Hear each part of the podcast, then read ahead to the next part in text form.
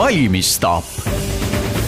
tere, head Valimisstaabi kuulajad! nädala keskpaik on käes ja täna räägime rahvastikust. minuga on siin stuudios Evelin Sepp erakonnast Rohelised ja Liisa Pakosta erakonnast Eesti kakssada, tervist! tere! tere päevast! ja mina olen Joosep Tiks Eesti Ekspressist ning nii nagu lubatud, räägime täna rahvastikust. ja võib-olla esimene selline küsimus ähm, või arutelu koht, ähm, mis küttis päris palju Eestis ka kirgi, oli valitsuse kehtestatud peretoetuste ja lastetoetuste süsteem, kus alates kolmandast las-, lapsest sai siis palju rohkem raha, ütleme niimoodi. küsiks teilt, kas see on põhjendatud, see, mida valitsus otsustas ja mis nüüd kehtima hakkas? Liisa Pakosta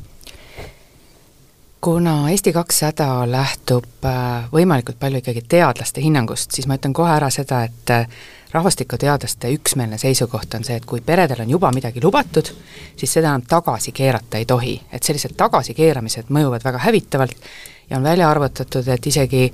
ühes eelmises kriisis ära võetud näiteks ranitsa toetus tähendas umbes tuhat sündi vähem, et selle mõju oli niivõrd suur, kuigi see toetus oli väga väike ja, ja ühekordne. Nii et äh, Eesti kakssada ei plaani seda äh, tagasi pöörata, just tulenevalt rahvastikuteadlaste hinnangust, et kui midagi on juba kätte antud, siis see niimoodi peab jääma, et vastasel korral on mõju väga halb. aga tagantjärele tarkusena, kas see oli hea mõte või mitte? tagantjärele tarkusena Eesti kakssada ei oleks seda sellisel kujul teinud, kui see oleks olnud nii-öelda meie teha, lihtsalt ka sellel põhjusel, et kogu meie loogika lähtub sellest, et toetused peaks olema võimalikult personaliseeritud, võimalikult isiklikud, võimalikult vajadustepõhised ja selliseid nii-öelda lennukilt raha külvamisi kahjuks meie eelarve olukorras peaks olema võimalikult vähe, aga tagasi me seda kindlasti ei pööra Evelin Sepp, kuidas ähm, rohelised näevad seda toetuste jagamist, kas see on põhjendatud või mitte kui rohelised saaksid valitsusse, siis kas tuleks ära võtta või mitte laste ja peretoetused nii suurel kujul, nagu nad on, või kas seda tuleks kuidagi muuta? no selge on tõesti see, et, et kui midagi on antud, siis, siis seda tagasi pöörata, selleks peab olema mingisugune väga erakorraline põhjus, mida ma loodan, et äh, meil niipea ei, ei tule või seda vajadust ei teki. On ka absoluutselt selge, et et, et nii suure raha kulutamine või investeerimine lastega peredesse on noh, kahtlemata tore ja positiivne, aga ka perepoliitika ja ka laste, laste sündi toetavate meetmete juures tuleks arvestada siiski äh, nii-öelda uuringu ja teadmispõhiste, teaduspõhiste äh, järeldustega. ja, ja selles vaates äh, kindlasti vääriks see pisut muutmist ja, ja, ja vääriks muutmist äh, nii-öelda rohkem võrdsuse suunas. mis see tähendab, et tõsta siis esimesele-teisele lapsele või? E, jah, jah. Seda toetust tuleks tõsta? ma arvan, seda toetust tuleks selle summa raames äh, nii-öelda jagada võrdsemalt. Ja, ja, ja kui nüüd minna siit samm edasi, siis äh, oleks väga-väga kahetsusväärne, kui me perede ja laste puhul lihtsalt äh, piirduks enam-vähem äh, lastetoetuste võistu pakkumisega, vaid siiski vaataks nagu pere, perepoliitikat laiemalt ja, ja vaataks teda terve elukaare ulatuses. äh, ehk et see on tegelikult see, mis äh, paneb täna nii-öelda vastutustundlikku täiskasvanud inimest küsima, et kas ta saab võtta selle vastutuse ja mis määral ta saab võtta ja mis määral on tal endal panustada ressurssi vaimset, aega, materiaalset, mis iganes, oma laste täisväärtuslikuks kasvatamiseks. Eesti kahesaja poolt võib selle elukaare väärtustamisega kindlasti nõustuda, aga vaatamata sellele, et me ei toeta selliseid äh, helikopterilt või lennukilt külvatud äh, laustoetusi, on meil siiski programmis äh, kolm konkreetset rahalist toetust üles loetud, mida just nimelt selle süsteemi õiglaseks saamiseks me igal juhul näha tahaksime. Ja see on siis see, et esimese lapse toetus oleks sada viiskümmend eurot, teise lapse toetus oleks sada viiskümmend eurot, üksikvanema toetus oleks sada viiskümmend eurot ja ka kõik need kolm toetust tuleks indekseerida. et need neli punkti on meil selgelt programmis olemas. üleüldse teadlased ju ei leia, et pikas perspektiivis need toetused tooksid tohutut iibetõusu. ja kui ma vaat-, vaatan siin inimarengu aruannet, siis seal vist, kui ma ei eksi, oli prognoos, et aastaks kaks tuhat ükssada praeguse situatsiooni jätkudes on eestlasi, või no mitte eestlasi, Eestis elavaid inimesi on umbes kaheksasada tuhat inimest, et no võib-olla roheliste perspektiivis see on isegi hea, et ökoloogiline jalajälg on väiksem, aga, aga mida selle iibega teha, kas aktsepteerida praegust seisu, et las ta siis nii lähebki, nagu on, või, või leida mingisugune imevõtmeke, kuidas järsku hakkaksid kõik sünnitama? no kui me vaatame ikkagi nüüd rahvastikuteadlaste tulemusi pika aja jooksul, siis äh, nad on selles mõttes üksmeelsed, et ei ole olemas ühte võluvitsakest, mis äh, iivet tõstaks, aga on olemas terve rida meetmeid, mis rohkemal või vähemal määral siiski iivet soodustavad ja loomulikult see, tegemist on niivõrd keerulise ühiskondliku protsessiga, et seal ei saa tõmmata nagu joont, et vot see asi viis selleni. Tõsi on see, et äh, kolmanda lapse, äh, kolmandate laste sünd kasvas äh, pärast seda, kui ähm, siis paljulapseliste perede toetus tõsteti, ta tõusis lühemat aega, kui palju ta oleks tõusnud ilma toetuseta, no seda me ei saa iialgi teada.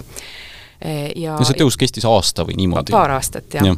ja, ja tõsi on ka see, et, et kui me vaatame praegust ähm, ütleme, niisugust rahvastikupilti, siis äh, meil on väga suurel hulgal kasvanud nende naiste osakaal, kellel üldse lapsi ei ole. et seal on olnud see kasv kõige suurem. ja nüüd, kui me vaatame seda, et mis on olnud need põhjused, miks siis äh, inimestel lapsi ei ole, äh, ka eelnevates rahvastikupoliitika saadetes on siin välja toodud äh, seda fakti, et inimesed Eestis üldiselt tahavad lapsi aga saavad palju vähem lapsi, kui nad tegelikult tahavad,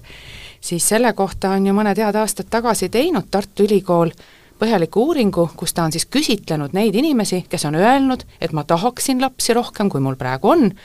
aga et äh, tal ei ole viimase aasta jooksul last sündinud. ja nüüd arvake ära, mis oli see kõige peamine põhjus, miks ei olnud last sündinud, kuigi inimene oli selgelt välja öelnud, et ta tahab last, kas teist kumbki teab seda? ma lasen Evelin Sepal pakkuda. ma ei hakka pakkuma, aga ma usun, et see on tõesti niimoodi eluolu korraldusega seotud eee, kas on no,, kas on töö jahe ja... ei, see on täitsa külm mm. -hmm. kõige peamiseks põhjuseks, miks ei oldud last saadud, kuigi oli öeldud, et ma tahan last saada Eestis, oli partneri puudumine. häid mehi pole jah, et kui me vaatame tegelikult, see on juba väga kuumalt pakutud, et kui me vaatame seda jällegi noh, ütleme niisugust rahvastikustatistikat, siis meil on üldiselt mure sellega, et meil on kõrgharitud inimesi vähem, kui neid tegelikult olema peaks majanduse toimimiseks, aga eriti vähe on meil kõrgharitud mehi.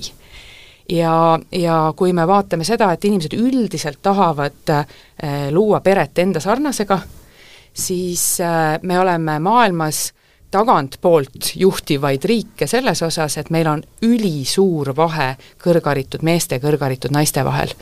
meil on väga palju kõrgharitud naisi ja väga vähe kõrgharitud mehi. et kui nüüd öelda, et mis oleks see üks võluvitsake, mis Eestis nagu kõige kiiremini iivet tõstaks, siis kõige kiiremini tõstaks Eestis iivet see, kui kõrgharidusega mees ja kõrgharidusega naine saaksid omavahel pere luua ja sellest valemist on puudu see mehe kõrgharidus, ehk siis meestele, äh, poistele rohkem kõrghariduse andmine, suurem kõrghariduse andmine, rohkem kõrgharitud mehi, oleks see, mille mõju tõenäoliselt oleks kõige suurem siis äh, iibe kasvule Eestis. noh, tegelikult muidugi äh, on ka mehi arvuliselt circa seitsekümmend tuhat, kui juba lihtsalt nagu vaatad mehi-naisi Eestis on, neid on juba seitsekümmend tuhat see hakkab seal vanemas osas vähem, alla, alla kukkuma. aga, aga noh, see on väga intrigeeriv, ma kunagi mäletan ühte kampaaniat, see vist oli mingi Europarlamendi kampaania, kus oli üks partei, kes lubas palju seksikaid mehi. ma ei rääkinud seksikusest, ma rääkisin kõrgharidusest. Jaa, no see on selles mõttes, see on hea, see on hea kõrgharidus on seksikas. see, see on ka kahtlemata seksikas, eks ju, aga, aga noh, et ärme nüüd liiga lappama siin mine sellega, et, et tegelikult eks ju on noh, niisuguseid elulisi äh, põhjuseid ähm, oma pere planeerimiseks äh, küll ja veel. ja, ja, ja seal on, seal on ikkagi noh, palju on seotud väga praktiliste korraldustega või elukorraldusega, eks ju kas sa saad tööl käia, kas sa saad oma lapse eest äh, hoolt kanda siis, kui ta on haige, kas su äh, sissetulek on siis tagatud, eks ju, või sa kukud nii-öelda täiesti nagu vaesusesse, eks ju, et kui sa peaksid haiguslehe võtma oma lapse hooldamiseks, äh, kas sa saad lasteaiakoha või, või sa saad lastehoiukoha, kas see on üldse võimalik su omavalitsuses, kas sa saad mingisuguse normaalse ajaga viia lapse trenni või huvikooli või üldse kooli saata, seal on, seal on miljon muud küsimust, mis selle nii-öelda emotsionaalse keskkonna äh, määravad ja kujundavad. ja, ja selles mõttes on, äh, on ikkagi nagu äärmiselt kahetsusväärne, et meil on niisugune hüsteeriline lapsetoetuse nagu summa ülepakkumine ja tegelikult ükskõik,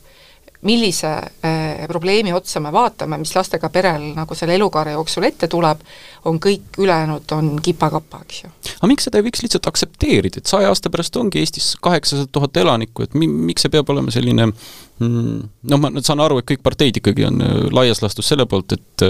iive on tähtis ja see peab olema positiivne. keegi ei ole kuidagi ka selle vastu midagi öelnud, et, et jaa, ei no ta, ta kindlasti on ju oluline küsimus, eks seda me ei saa keegi kahtluse alla, aga, aga ma arvan, et noh, niisugune tarbetu hüsteeria selle, selle üle või nii-öelda riikliku plaanimajanduse kehtestamine, et noh, see ka ei ole tegelikult see, mis noori inimesi kuidagi väga äh, motiveeriks noh, nii-öelda ma ei tea, Eesti põhiseaduslikku mõtet kandma, et see pigem nagu pelutab. aga kui ta on oluline, et mida ta ka siis ikkagi teab, ma saan aru, et seal on komplektselt väga palju küsimusi, et seal on siis lasteaiakoht, on ju, partner ja nii edasi, edasi, paljud neist on väga individuaalsed, et riik võib-olla ei saagi seal nagu normaalset meest inimesele otsida. Aga no haridusküsimustega no, ikka saab tegeleda, aga vastus sellele küsimusele, miks me sellega tegeleme, siis Eesti kahesaja programmis on ikkagi väga selgelt öeldud, meil on isegi numbriline näitaja, et meie tahaks, et eestlasi oleks üle miljoni. Ja see eestimeelne Eesti on, on meie jaoks eesmärk, meil on mõtet kõiki neid asju siin eesti kultuuriga, eesti keelega, kõige sellega teha, sellepärast et meil on üks Eesti ja meie seda hoiame, meie seda pärandame edasi lastele, lastelastele, et see pikk plaan Eestile on ikkagi suunatud sellele, et ka meie lastelaste lastelastel oleks eesti, eesti keel, eesti kultuur kõik olemas. Ja selleks on tõesti need iibeküsimused hästi tähtsad, aga ma olen täitsa nõus siin Evelin Sepaga selles osas, et meil on kompleks küsimusi, mida me peame lahendama. Ja tegelikult väga paljud nendest sõltuvad riigist ja ka Riigikogust otseselt. näiteks äh, tõepoolest, meil on osad omavalitsused, kus lasteaiakoht on probleem. me oleme ainukene riik, kus äh, mitte midagi ei juhtu seaduse järgi, kui omavalitsus seda lapsele sobivat lasteaiakohta ei paku eeldust, kui palju kordi on seda lükatud, et kuulge, muudame ära selle koolieelse lasteasutuse seaduse paragrahv kümme lõige üks, muudame selle niimoodi ära, et juhul, kui kohalik omavalitsus ei paku pärast kahekuulist ooteaega eh, lapsele sobivat lasteaiakohta, et siis sellisel juhul maksab see kohalik omavalitsus kinni kogu selle lapse hoiu, senikaua, kuni ta selle lasteaiakoha leiab. sellisel juhul oleks kohalikul omavalitsusel olemas selge motivatsioon seda lasteaiakohta pakkuda. täna täitsa küüniliselt vaadates on kohalik omavalitsus võidus, kui ta lihtsalt seda kohta ei paku. aga selle koha mittepakkumine tähendab omakorda seda, et meil on sooline palgalõhe, et meil on naine, peab tõesti olema närvis sellest, et millal ta ükskord nagu tööle tagasi saab, see mõjutab ka neid naisi, kes ei kavatse kunagi lapsi saada. sest kui sa lähed noore naisena tööandja juurde, siis ta vaatab sind selle pilguga, et mm, varsti sa võib-olla jääd siin, eks ole, töölt korra kõrvale, aga me keegi ei tea, millal sa saad tööle tagasi tulla, sellepärast et me ei tea, millal see lasteaiakoht tuleb. et see on nagu täiesti absurdne, et me ei ole suutnud seda nagu kolmekümne aastaga ära lahendada.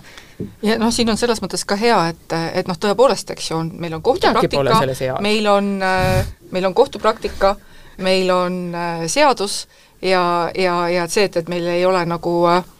nii-öelda rakenduskindlust, eks ju, või õiguskindlust meil ei ole seadust, mis ütleb, et midagi juhtub ja, ja, siis, kui seda kohta ei anta. noh, seadus ei peagi ütlema, selleks no, me oleme peab küll, ta peab ikka garanteerima selleks me selle. oleme inimesed, et äh, teistes riikides on see tehtud. et me oleme inimesed selleks, et täita neid äh, väärtusi või, või elada ja, ja toimetada nende väärtuste järgi, mida me oleme kehtestanud. ja, ja, ja seda enam on nagu oluline, et, et kui sa ei paku kohta, siis, siis sa maksad selle kinni ja meil on siiski omavalitsustel enamuses see võimekus olemas. ja see annab ka suurepärase võimaluse erasektorile, sest see, siin ei ole küsimust, kelle silt on ukse kõrval eh, seina peal, kas see on eralastehoid või on see riiklik lastehoid, meil on vaja seda teenust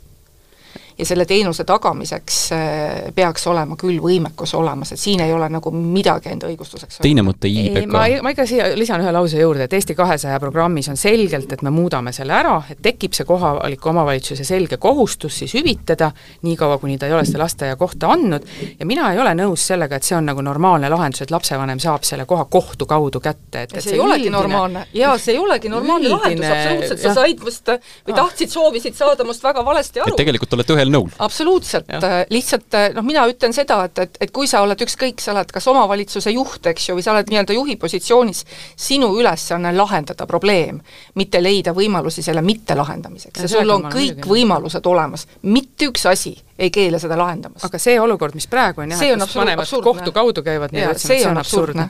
teine asi, iibega mm,, immigratsioon kui jääb, ütleme, iive praeguse üldse alustadagi selle lasteaedade kohtadega. kahjuks saateaeg on piiratud, ma noh, see on parat-, paratamatult, see on ju laual, kui räägitakse ikkagi iibe kasvatamisest, et mingi osa, noh, Euroopas vist see on umbes kümme protsenti, on see, mis iivet kasvatab küm-, teis-, kuskilt mujalt tulijate arv, et olgu seal siis Euroopa Liidust inimesi, olgu seal kolmandatest riikidest inimesi. et kui leiged või kui äh, tulised olete te immigratsiooni piiramise või vabaks laskmise osas, et Evelin Sepp, mis teie näete, mis peaks olema Eesti immigratsiooni tulevik? me oleme ikkagi üsna rahvuskeskne riik, äh, vähemalt niisuguse noh, poliitilise retoorika mõttes, aga on ka ilmselge, et, et meile tegelikult ju väga-väga meeldiks, kui, kui meiega koos elaksid siin nii-öelda meile väga sobilikud targad inimesed, kes panustavad meie ühiskonda ja selles valguses, et noh, kui nüüd nagu väga lihtsustatult sellele läheneda, siis loomulikult see nii-öelda ühe protsendi piirang, et see, see kõik on eba, see, see on suhteliselt ebaotstarbekas. Me kindlasti ei näeks hea meelega, et, et Eesti nii-öelda valgub täis meist väga erineva võib-olla kultuuritaustaga inimestest aga, aga ma kardan, ma ütlen, et ma olen mis see siis on, et ukrainlased on okei okay,, aga araablased ei ole või? No ma jääksin siin võib-olla mitte seda nii täpselt täpsustades, aga, aga, aga noh, on ilmselgelt, et on äh, meiega sarnaseid inimesi, kellega me saame tegelikult kõik hästi hakkama, me saame aru, äh, kes nad on, kuidas nad mõtlevad, mis on nende jaoks oluline ja ma ei näe väga suurt erinevust nii-öelda inimese tasandil. Äh, ja, ja meil on ka palju lihtsam nende integreerimisega, sest et me lihtsalt ka saame aru, kuidas nad kuidas neid on võimalik õpetada, juhendada, toetada, sest me lihtsalt mõistame neid ja on äh, kindlasti palju inimesi ja kultuure, kes on meile palju kaugemad ja see on üsna objektiivne. see ei ole mingi ideoloogiline küsimus, vaid see lihtsalt nii on. aga kui üldiselt küsida, kas immigratsiooni leevendamine on äh, aktsepteeritav meetod iibe tõstmiseks, rahvastiku kasvatamiseks? ma ei ütleks, et see on otseselt iibe tõstmiseks, pigem on võib-olla meie üldise sotsiaalmajandusliku olukorra äh, arendamiseks või toetamiseks võib-olla üsna mõistlik ja, ja teatud tingimustel ka noh, vältimatu või paratamatu Liisa Pakosta? ma sõnastaksin selle natuke teistmoodi siiski, et, et meil on äh, riiklik arengukava Eesti kaks tuhat kolmkümmend viis, mis ütleb, et alla kuuekümne seitsme protsendi eestlaste osakaalust me ei tohiks minna. E, praegu on see siis kuuskümmend üheksa koma neli protsenti on eestlaste osakaal. ja seda, et meil on eesti keel, eesti kultuur siin hoitud, seda peab Eesti kakssada väga oluliseks aga see tähendab seda, et mida rohkem meil tuleb eestlasi juurde, seda rohkem me saame ka välismaalt inimesi lubada. jah, inimesi siia juurde lubada ja järelikult peab ikkagi selle nii-öelda eestlaste arvu kasvatamisega ikkagi ka te tegelema, mis ei tähenda seda, et meil oleks kuidagi mingid erinevad regulatsioonid piltlikult öeldes siin sünnitavatele eestlastele ja muude rahvuste esindajatele. aga see, et me elame üldiselt rändeajastus, eh, selle rändeajastu võimaluste probleemidega tegelevad kõik riigid, Eesti on jõudnud äh, sinna kohta, kus meil on, tuleb sisse rohkem inimesi, kui läheb välja, mäletate, kui see pöördepunkt tekkis, et kui õnnelikud me siis olime, sest meil oli pikka aega ka selline aeg, kus meil läks lihtsalt ilmselgelt rohkem inimesi välja, kui tuli sisse. ja seda ei saa ka jälle öelda, et siin oleks mingi üks vitsake, millega kõiki asju lahendada, et me näiteks praegu ühemõtteliselt toetame Ukraina põgenike vastuvõtmist ja nende siin toetamist. Aga samal ajal me tõepoolest peame ette valmistama ka seda, et et kuidas äh, vähemalt mingi osa nendest pöördub tagasi Ukrainasse ja seda juba kas või sellepärast, et kui sealt on praegu lahkunud, Ukrainast on lahkunud üle seitsme tuhande, või vabandust, üle seitsme miljoni inimese,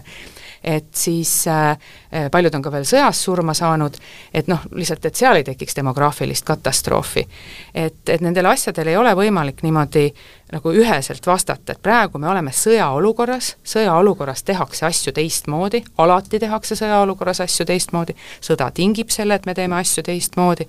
praegu me võtame Ukraina põgenikke vastu me võtame neid vastu, me toetame neid ja, ja me oleme valmis seda edasi tegema, aga see peab olema targalt tehtud, et me juba algusest peale mõtleme, et kuidas nad saavad ka näiteks tagasi pöörduda. kas neile tuleks mingi hetk öelda siis, et kopp-kopp, sõda on läbi, aeg on koju minna? No see on moraalselt eh, nii või teisiti juhtub, ma arvan, eh, see toetama seda, et kuidas nad saavad ja. ka tagasi minna ja, ja see tähendab ka seda juba, et me hakkame arvestama sellega tegelikult nende vastuvõtmise hetkest ju, et me, me vaatame seda, et kuidas see haridus, mida näiteks lapsed siin saavad, kuidas nad saavad kooliteed jätkata Ukrainas, aga et kui ta tõesti soovib siia jääda, näiteks tal on kodu ju puruks pommitatud, tal ei olegi seal enam mitte midagi, et siis ta jääb siia, kuidas me siis toetame, et sõjaolukorras, kus me praegu oleme, tuleb neid asju vaadata teistmoodi. ja, ja siin ennem oli juttu araablastest, meil on umbes sada viiskümmend araabia keele kõnelejat Eestis, et noh, see kindlasti ei ole, ole mingi mass, probleem ja, ja see kindlasti ei ole mingi mass ja. ja seda, et meil on erinevate kultuuride esindajad, see ikkagi on rikastav, see on täitsa selge. no kui üks hetk tuleb näiteks ähm, Araabia maailmas kuskil jälle sõda ja tuhat, kaks tuhat või kolm tuhat lausa isegi araablas kuku-, koputab Eesti uksele, mida teha, et kindlasti on erakonnad, kes hakkavad äh, vastu möllama, kindlasti on erakonnad, kes ütlevad, et laske sisse, et äh, kas tuleks uksed avatuna hoida? ma arvan, siin on nagu nüüd kaks asja, et äh, hoiame need lahus, et üks on nagu immigratsioon nii-öelda iibeprobleemi lahendamise vahendina, noh, mis on hoopis üks teine teema, ja teine on immigratsioon teatud noh, ajutise nähtusena või, või siis nii-öelda mingite majandussektorite arendamisel või, või mingitel muudel niisugustel teaduse ja arenduse arend-, noh e, eesmärkidel, eks ju, need on nagu täiesti erinevad teemad. et jah, et see mõnes mõttes ongi vastus, et ma arvan, et, et meie kultuuriruumi väärtuste hulka kuulub ka hädas ja nõrgemate inimeste aitamine, et see on üsna inimlik ilmselgelt ei saa me aidata kedagi üle oma jõu, aga ma usun, et tuhat või kaks tuhat või kolm tuhat äh, inimest ka meile võib-olla võõramast kultuuriruumist äh, võtta endale või aidata neid inimesi siin, on kindlasti Eestile jõukohane ja ei kujuta meile ohtu. Postimehe valimiskompassis oli üks huvitav küsimus, oli kas Eesti peaks olema multikultuurne riik, et kuidas te vastasite sellele? Mina saatsin kõigepealt Postimehe toimetusse küsimuse, et mida nad on sellega mõelnud. Ja igaks juhuks ütlen ka, et emakeeleõpetajad kindlasti siin ütleksid, et see õige sõna on multikultuuriline. et mm. multikultuurne tähendab seda, et noh, et sa oled mitmel erineval moel kultuurne, me kindlasti tahame olla mitmel erineval moel kultuurne riik, aga multikultuuriline tähendab siis seda, et, et meil oleks äh, mitme erineva siis kultuuriruumiga riik ja meil on minu arust põhjust uhku, uhke olla selle üle, et Eesti on juba oma esimesest põhiseadusest alates äh, tuhande üheksasaja kahekümnendast aastast tunnistanud kultuuriautonoomiat. Ja see, et me tegelikult oma põhiseaduse baasil juba tun-, tunnustame seda, et kui meil elab siin erinevaid äh, siis, erinevate kultuuride esindajaid, siis me nende oma kultuursust toetame. Ja, ja, ja ma küsisin ka, et kas selle küsimusega on siis mõeldud, et kas me, me kuidagi peaksime põhiseadust muutma või mis asja, ega ma ausalt öeldes vastust ei saanudki. ja ma arvan, et ma vastasin sellele siis pigem jah, noh selles mõttes, et mina ei taha, et Eesti põhiseadust muutma hakatakse, minule Eesti põhiseadus väga meeldib Evelin Sepp, kortsutasite kulmu? ei, pigem, pigem ma lihtsalt meenutasin sedasama, sama dilemmat, et, et see oli pisut veidralt püstitatud küsimus, aga ma arvan, et me juba aegade algusest peale oleme, oleme üsna mitmekultuuriline ühiskond ja riik, et juba ainuüksi see, et, et suur osa meie territooriumist eh, on mere ääres, juba tähendab seda, et juba meie kauged esivanemad on olnud küllap päris kõvad purjetajad ja, ja, ja see omakorda on ajaloos kirjutanud huvitavaid peatükke meie ajalukku, nii et see juba on niisugune hea vastus sellele, et me no, seda oleme nii ehk naa. no.. kust koha pealt Eesti on multikultuurne, kui ma vaatan näiteks, kui juttu on vabandust, vot libastusin ise. Kust koha pealt Eesti on multikultuuriline, et, et kui me vaatame näiteks vene koolide küsimust, siis räägitakse väga palju eesti keele, ähm, eesti keelele nende üleviimisest või kui me võtame näiteks vaidluse selle üle, kas need Bolti või Wolti kullerid peaksid oskama eesti keelt või mitte, siis jällegi me räägime ju, et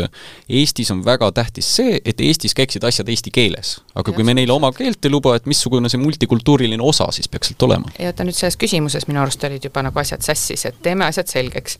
Äh, see, et ühes riigis on olemas riigikeel, riigikeelne haridus, äh, inimestel õigus riigikeeles saada teenindust, et see on üks asi. teine asi on selles, et me toetame ja soodustame seda, et äh, noh, näiteks needsamad sada viiskümmend araabia keele rääkijat kogunevad äh, oma kultuuri tähistamiseks, saavad selleks ka riigilt, neil on võimalik näiteks rahalist toetustki taodelda selle jaoks, et me lubame seda kõike teha, et see on isegi toetatud, vot see on see, mis on multikultuuriline. et me ja toetame mi seda, et vähemuskultuurid eh, saavad oma kultuuri viljeleda, oma kultuuri arendada ja neil on õigus ka näiteks luua äh, siis oma kultuuri Äh, tavade järgi äh, näiteks lasteaias taotleda, ma ei tea, lisatundi või, või midagi sellist, et nad saaks ka lapsed oma emakeelt õppida, äh, lasteaial on õigus sellest raha küsida, et kõiki selliseid asju on, on nagu lihtsalt võimalik teha. Jaa, ma selles mõttes saan seda ainult täiendada, et et, et kuigi see on väga lihtsustatud, et meil on Eestis valdavalt kaks nii-öelda kodukeelt, eks ju, eesti keel ja vene keel, on see ju pilt oluliselt, oluliselt kirjum ja meil on väga palju väga tugevaid erinevaid rahvuskogukondi siin meie, meie enda kõrval, meie sees, kes kannavad nii-öelda võib-olla erinevat identiteeti rahvuse alusel, aga samas on samavõrra eestlased või, või Eesti kodanikud, eks ju, et äh, et noh, siin lihtsalt, see on lihtsalt ainult fakti tun-, tunnistamine, et see nii on. Ja see tegelikult tähendab ka seda, et me ää-, toetame ja väärtustame ka neid kultuurirühmitusi, mis on nii-öelda Eesti enda kultuuri sees, Kihnu, Setu, Võru ja nii edasi, et, et, et ka, ka seda me kõike toetame ja, ja, ja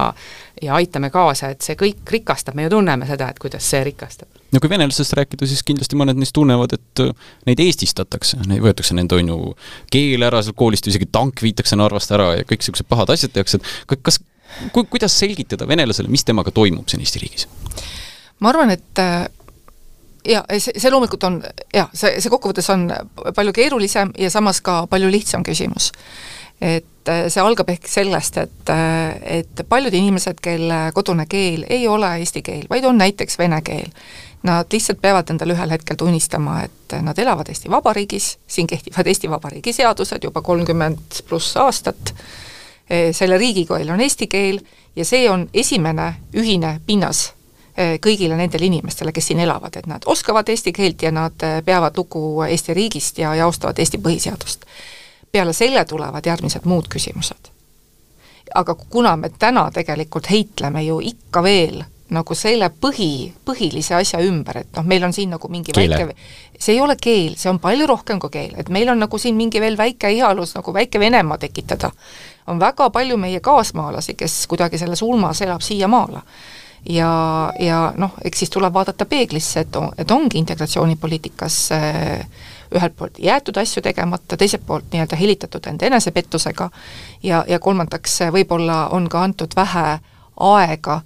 selliste protsesside settimiseks, et ega need ei käi paberil, vaid ikkagi põlvkondade vahet, vahetumise eh, käigus ma ei tea, kas me räägime kahekümne aasta pärast siin ikka veel integratsioonist ja kuidas saab venel-, venelane eesti keele selgeks või mis see perspektiiv sellel on, Liisa Pakosta? ma olen täitsa nõus sellega, mida Evelin Sepp ütles ja, ja kui me mõtleme nüüd kahekümne aasta perspektiivis, siis Eesti kakssada ühemõtteliselt toetab nii lasteaedade kui koolide üleminekut eesti keelele, ent ähm, mille poolest me erineme äh, praegu siis äh, vastu võetud programmist või, või vastu võetud suunadest, on see, et me kindlasti oleme ühemõtteliselt vastu äh, sellele, mida Isamaa ja EKRE on rõhutanud, et me hakkame kuidagi rahvuse järgi sortima lapsi, kui me neid kooli võtame. ehk et seda tegelikult ikkagi praegune ka põhiseadus ei luba ja, ja mingisuguseid kvoote või piire klassidesse seada, et noh, et ahah, sinu kodus räägitakse mingit teist keelt, et sind me siia klassi ei võta, et mine sina kuskile sinna järgmisse kooli, on ju. et noh, niisugune asi on täiesti mõeldamatu ja, ja, ja tegelikult tõesti seadus seda ka ei luba, et, et põhiseadus seda ka ühelgi moel ei luba see, et on jokutatud nii kaua sellele eestikeelsele haridusele üleminekuga, on muidugi väga kahetsusväärne, et see kindlasti oleks väga palju aidanud eeskätt just vene emakeelega noori võrdsete võimaluste poole, et me täna ju näeme, et juba põhikooli lõpetades on see mahajäämus tegelikult terve õppeaasta jagu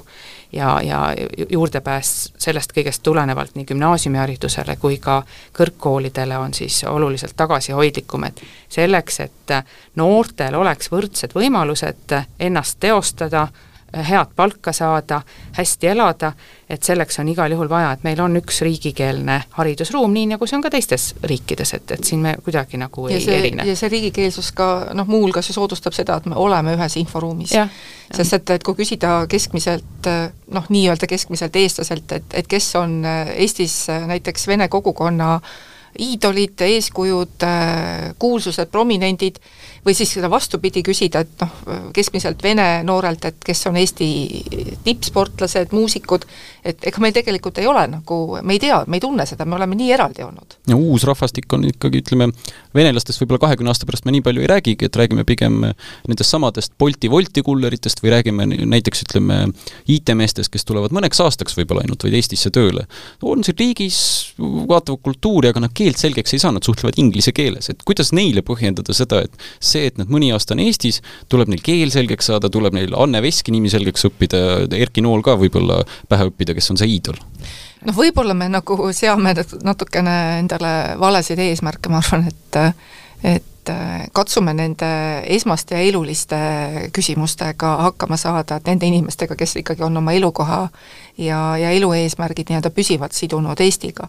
et ajutised külalised ei peaks eesti keelt selgeks saama? see on väga tore, kui nad seda saavad, aga, aga noh, ma arvan, et, et me ei peaks sellele mingit tohutut noh, nagu tähelepanu ja riiklikku ressurssi kulutama olukorras, kus, kus meil on seda puudu absoluutselt kõigist, mis on nagu eluliselt vajalik Eesti kahesaja programmis on näiteks selline punkt, et välistudengid, kes siia õppima tulevad, Äh, peaksid siiski õppima ka teatud tasemel eesti keelt, et äh, tuli just ka uudis, et, et kakskümmend kaks miljonit eurot on äh, välistudengid ja, ja ülikoolide lõpetajad jätnud siis Eesti majandusse maksude näol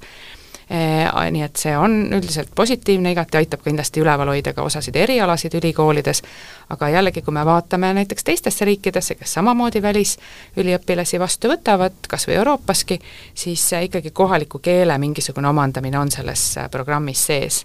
et, et meie seda näiteks no eestlasi läheb päris palju Hollandisse, ma küll ei tea, et nad seal peaksid hollandi keelt selgeks õppima. oleneb ülikoolist, kui sa lähed paremasse ülikooli, siis sul ikkagi mingi kursus seal on. ja tegelikult Eesti ülikoolides ka täna on, on nii-öelda kohustuslik äh, eesti keele õpe, noh, iseküsimus on see, et, et äh, mis tasemele see neid viib, aga, aga kindlasti see aitab neil ka siin seda kohalikku eluga noh, kohaneda ja hakkama saama, aga, aga ma muidugi kahtlen selles, kas see on, äh, kas eeldad, kas eelduslikult on see midagi sellist, et noh, näiteks Eestis õppida eesti keeles millele ei. ma ei näe, eks ju, noh, nagu noh, see on tore, aga, aga ei ole vajalik, eks ju, või siis õpetada tingimata eesti keeles. Et aga noh, niisugune elementaarne siin hakkama saamiseks, see, see kohustus, selle kohustuse vähemalt on võtnud vähemalt ülikoolid, et kuidas iganes see korraldatud on ja see, see õpe toimub juba, juba täna ju tegelikult juba tükk aega. aga jah, et kokkuvõttes me ikka tahame näha, et meil on üle miljoni eesti keele rääkija ka siis selle kahekümne aasta pärast viimane küsimus, tegelikult ma tahtsin ammu enne ära küsida, aga ma unustasin, jällegi Postimehe valimiskompassist. ei, võib-olla iibeni üldse jõudnud veel no küsisin alguses natuke iibe kohta, aga ma ei tea, kas see läheb sinnasamasse teemasse või mitte, vaat Postimehe valimiskompassis palju kritiseerisid ja kurtsid selle küsimuse üle, et kas on õige, kui naine eelistab karjääri laste kasvatamisele ja perekonna eest hoolitsemisele. ma üldse ei küsi ka jah, kas jah või ei, ma tahaks teada, mida see küsimus tähendas? See küsimus tähendab tegelikult seda vastuolu, mis on erakondade vahel Eestis siis äh, iibe küsimustest rääkimisel ja kui lubate, ma siis nüüd ikkagi selgitan seda, seda vastuolu, sest sellest ei ole ka siin saadetes varem juttu olnud e,. Inimesed saavad hea meelega lapsi siis, kui see hind selle lapse saamise puhul ei ole neile liiga kõrge. ehk et, ja see koosneb nüüd väga paljudest detailidest tõepoolest. aga üks osa sellest hinnast on kindlasti see aeg või see ajaline ressurss ja siis ühiskondlik staatus, mis sellega kõigega kaasas käib. Ja nüüd me näeme selget lõhet, lihtsalt valijal kindlasti oleks seda hea teada, selget lõhet Eesti erakondade vahel, et meil on osad erakonnad, kes äh, ütlevad, et äh, me maksame kinni ja naine olgu kodus ja kasvatagu lapsi.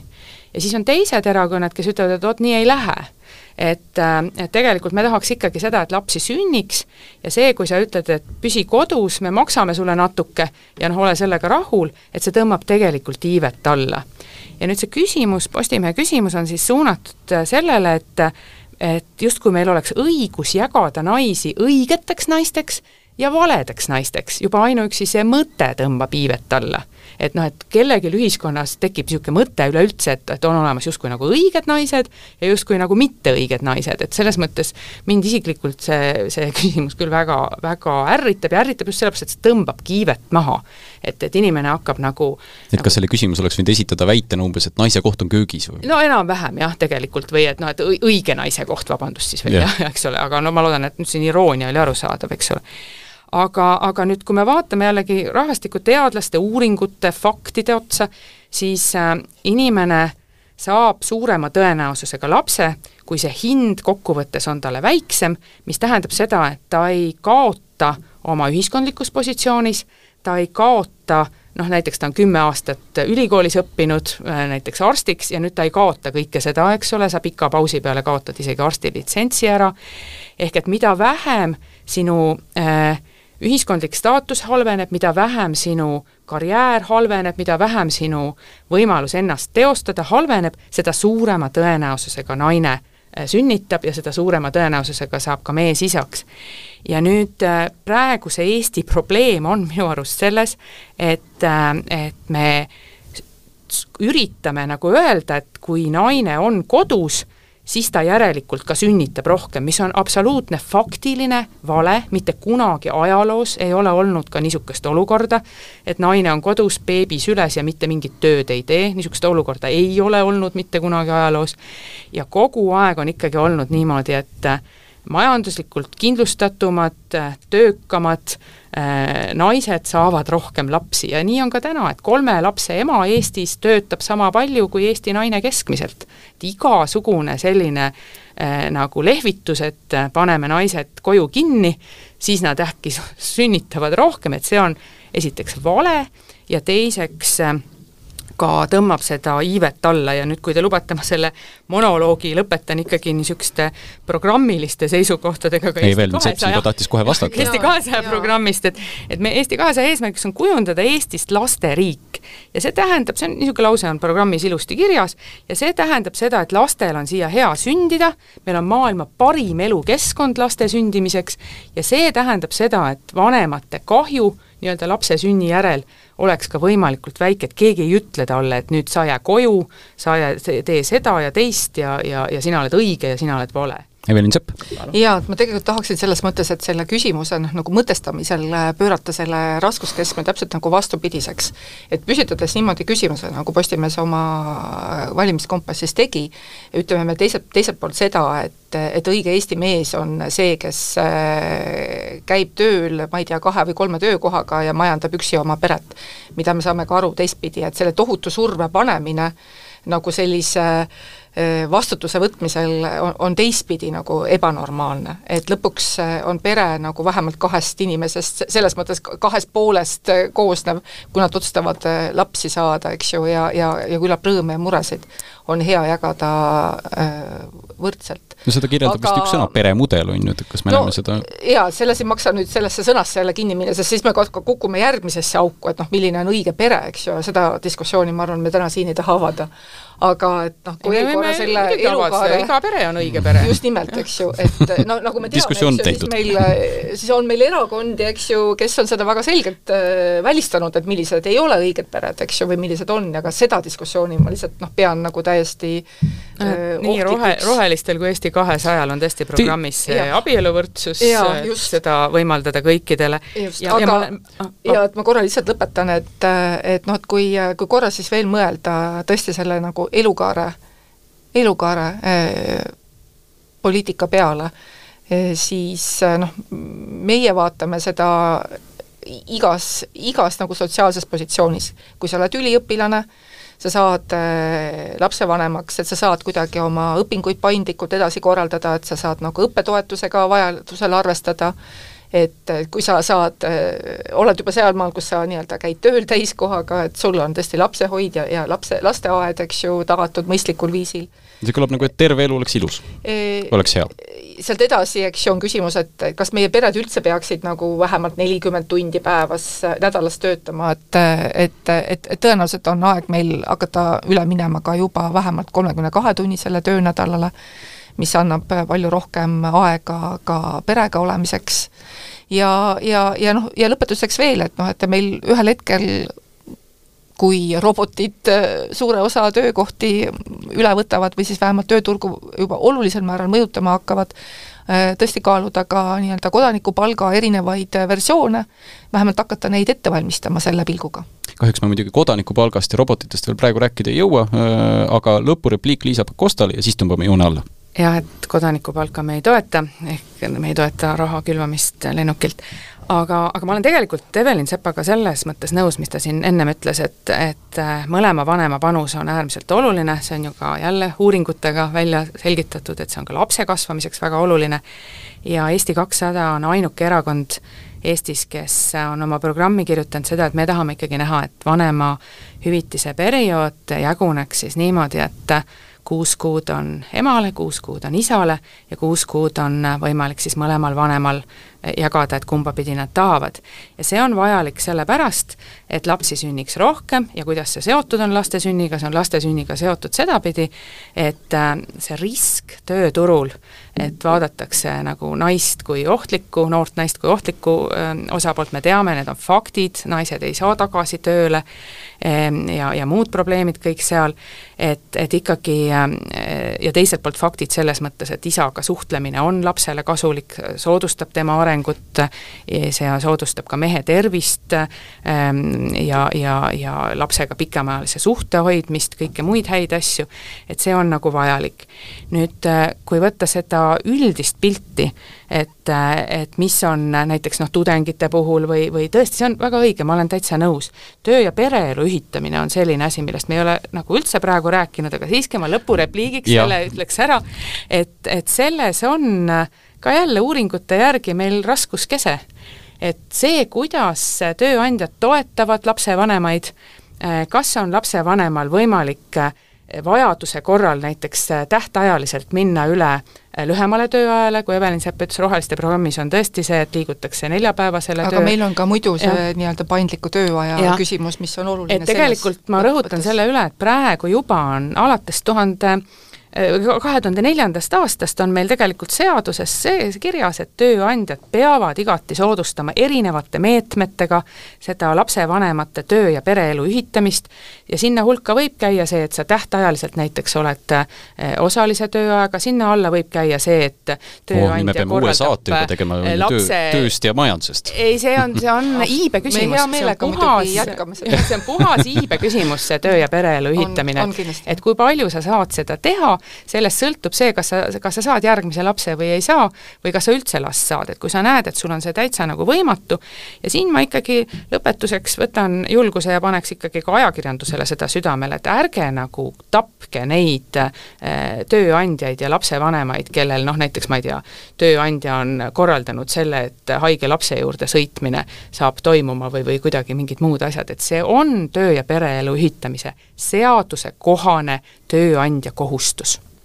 aga Liisa Pakosta, Evelin Sepp, ma tänan teid, et tulite saatesse, soovin teile edu ja mõnusat valimisperioodi ning kuulajaid kuuleme järgmine kord jälle. aitäh teile! aitäh ja mingu siis ikka kõik valima, et mingi lemmiku te ikka leiate, kellega ikka leiate, aitäh!